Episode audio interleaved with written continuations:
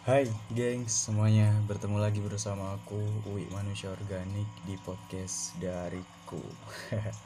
Oke langsung aja topik kali ini tentang kesendirian. Ini penting buat aku sampaikan seperti biasa buat mengingatkan diriku sendiri juga sih khususnya gitu kan. Apa sih yang dimaksud kesendirian? Bukan berarti kita harus kayak ke mana-mana sendiri, makan sendiri, pergi ke warung buat uh, apa makan sendiri. Wah kayak nelongso banget ya hidupnya kalau gitu. Enggak. Jadi gini uh, kita dalam keseharian mungkin sering banget udah berinteraksi dengan orang lain berkomunikasi dengan orang lain. Uh, apalagi sampai kita berada di satu kerumunan entah itu berbentuk organisasi kemasyarakatan atau apa pun itu yang berbentuk kerumunan. Nah Uh, kenapa aku penting untuk mengangkat tema atau topik kesendirian ini? Karena gini, terkadang kalau kita terlalu sering berada di kerumunan, kita hanya akan jadi kerumunan. Identitas kita melebur, jati diri kita kadang melebur di situ. Ya, seperti itu. Yang perlu dipahami kesendirian di sini adalah bukan kayak seolah-olah uh, kita tidak harus ber berinteraksi atau berkomunikasi. Silahkan, berkerumunan itu penting. Aku sendiri komunikasi sama banyak orang berada di kerumunan sama teman sama sahabat sama keluarga sama orang-orang yang benar-benar sefrekuensi. Nah kesendirian yang dimaksud di sini adalah kita harus punya satu momen entah itu dalam fase atau tahap berapa lama masanya gitu kita harus punya momen di mana kita harus menyendiri. Karena apa uh, kalau kita terus aja berada di kerumunan sebenarnya kita tuh semakin nggak produktif. Sadar nggak? Gini ya contohnya adalah ketika kita berada di kerumunan di keramaian kerumunan lari ke barat kita akan ikut ke barat. Kerumunan lari ke timur kita juga akan lari ke timur kayak gitu. Jadi seolah-olah ideologi kita melebur di situ dengan alasan bahwasanya suara mayoritas adalah suara kebenaran. Nggak juga sih sebenarnya gitu kadang di hati kecil kita tuh mengatakan sesuatu yang gak sesuai dengan apa yang ada di kerumunan. Itu yang perlu kita sadari dan kita nggak perlu tuh untuk membohongi diri sendiri. Bahwasanya ada beberapa momen di kerumunan yang membuat kita nggak nyaman. Nah seperti itu. Oke. Kenapa aku bilang di sini penting untuk menyendiri? Kita punya waktu untuk sendiri yaitu seperti ini. Agar kita mampu untuk membaca yang ada di kerumunan dan lebih khususnya membaca apa yang ada dalam diri kita. Tentang apa yang kita mau eksistensi kita jati diri kita.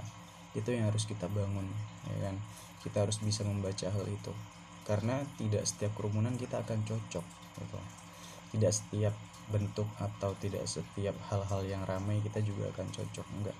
Pasti ada beberapa hal yang membuat kita nggak cocok. Nah makanya uh, pentingnya menyendiri di sini agar kita itu bisa produktif ya kan? Mikirin apa sih sebenarnya yang kita tuju apa sih sebenarnya yang kita mau apa sih yang seharusnya kita lakukan? Apakah memang di kerumunan itu kita bisa meng, meng apa ya eksplorasi atau kita bisa meng-share hal-hal yang memang ada di pikiran kita? Atau kita hanya menjadi pendengar dan pengikut dari adanya kerumunan itu Nah, itu juga yang terkadang akhirnya kita menafikan apa yang ada di dalam kejujuran kita sendiri. Oke. Okay? Itu yang uh, menjadi sebabnya.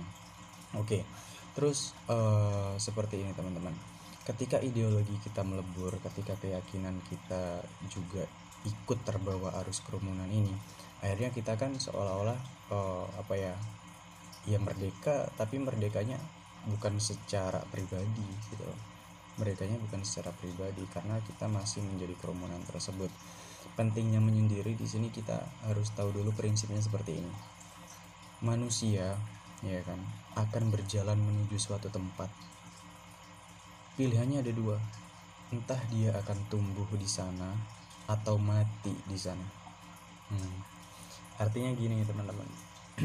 Kenapa aku bilang seperti itu ketika kita menuju suatu tempat ya kita pasti akan bertemu dengan orang-orang baru dengan lingkungan baru. Terkadang kita harus beradaptasi dulu menyesuaikan dulu yang artinya apa. Hal baru pasti tidak sama dengan apa yang pernah kita lakukan di tempat lama. Hmm, seperti itu ya kan? Artinya apa? Kita perlu untuk belajar berinteraksi.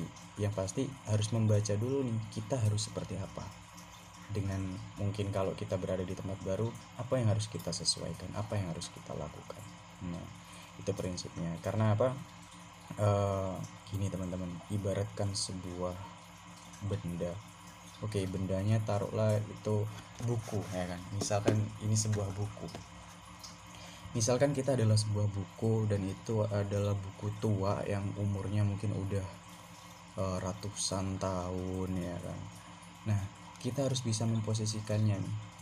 Ya seperti ini.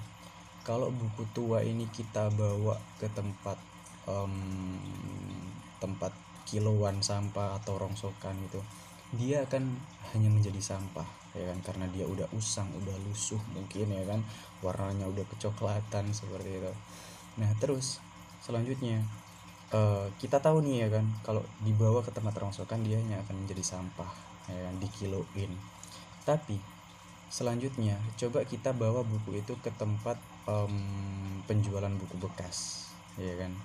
Atau tempat-tempat orang-orang yang pengepul pengepul buku bekas. Nah buku ini masih ada nilai jual ternyata. Tapi tidak lebih hanya sekedar buku bekas. Seperti itu ya kan? Nah selanjutnya uh, kita semakin tahu bahwasanya buku ini sudah memiliki nilai jual walaupun nggak nggak seberapa. Kita coba deh kita tahu buku ini buku tua ya kan? Kita coba bawa buku ini ke seorang yang mungkin dia memang kolektor benda-benda tua benda-benda bersejarah. Di sini kalian pasti akan menemukan bahwa buku tua ini akan dihargai lebih daripada ketika kalian bawa ke tempat eh, buku-buku uh, bekas ini karena kolektor kolektor buku tua atau barang-barang langka atau barang-barang tua ini pasti tahu gitu loh bahwa ini memang barang langka barang lama dan ini antik dan itu akan dihargai mahal gitu loh dihargai dengan harga tinggi. Nah oke okay, kalian udah tahu bahwasanya di kolektor buku tua akan menjadi uh, buku yang memberikan income lebih gitu kan terhadap kalian. Nah tapi coba deh kalian dibawa ke museum nih buku Di museum adalah pusatnya atau bisa kita bilang tempatnya benda-benda bersejarah kadang seperti itu.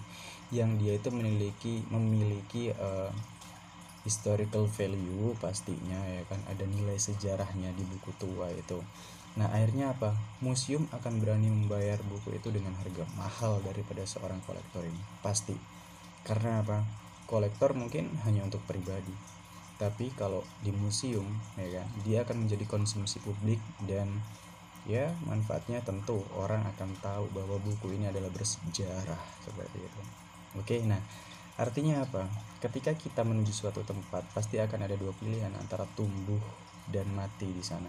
Sesuai tempat itu dan kita bisa nggak beradaptasi di tempat itu. Ya kan? Kita ibarat buku tua aja seperti itu. Nah terus gini tapi uh, atau ternyata kalian ingin menggunakan buku tua ini sebagai bentuk sumbang sih kalian untuk pendidikan atau atau ya mungkin sebagai kajian-kajian terdahulu tentang sejarah dan sebagainya. Mungkin kalian juga bisa menempatkan buku ini di perpustakaan yang tampak kalian harus menjualnya tapi kalian lebih mendahulukan segi kemanfaatannya. Karena apa? Kalian di perpustakaan nggak perlu untuk apa yang mendapatkan income atau mendapatkan duit ketika kalian meletakkan buku di sana. Tapi manfaatnya adalah buku ini bisa dibaca oleh banyak orang. Seperti itu. Nah seperti itu ya kan? Makanya kenapa aku bilang perlu untuk menyendiri biar kita bisa membaca ya kan? Biar kita bisa membaca. Karena kalau misalkan buku tua ini ditaruh di jajaran-jajaran buku yang banyak ya kan, tapi orang tidak akan sadar bahwasanya itu buku tua dan bersejarah kalau bukan orang yang benar-benar tahu dan paham bahwa buku-buku buku itu adalah buku tua dan bersejarah. Hmm, paham ya? Semoga paham. Oke, singkat aja sih. Oke, bersama aku Manusia Organik dan terima kasih atas supportnya bersama aku di podcast dariku. Terima kasih. Bye bye.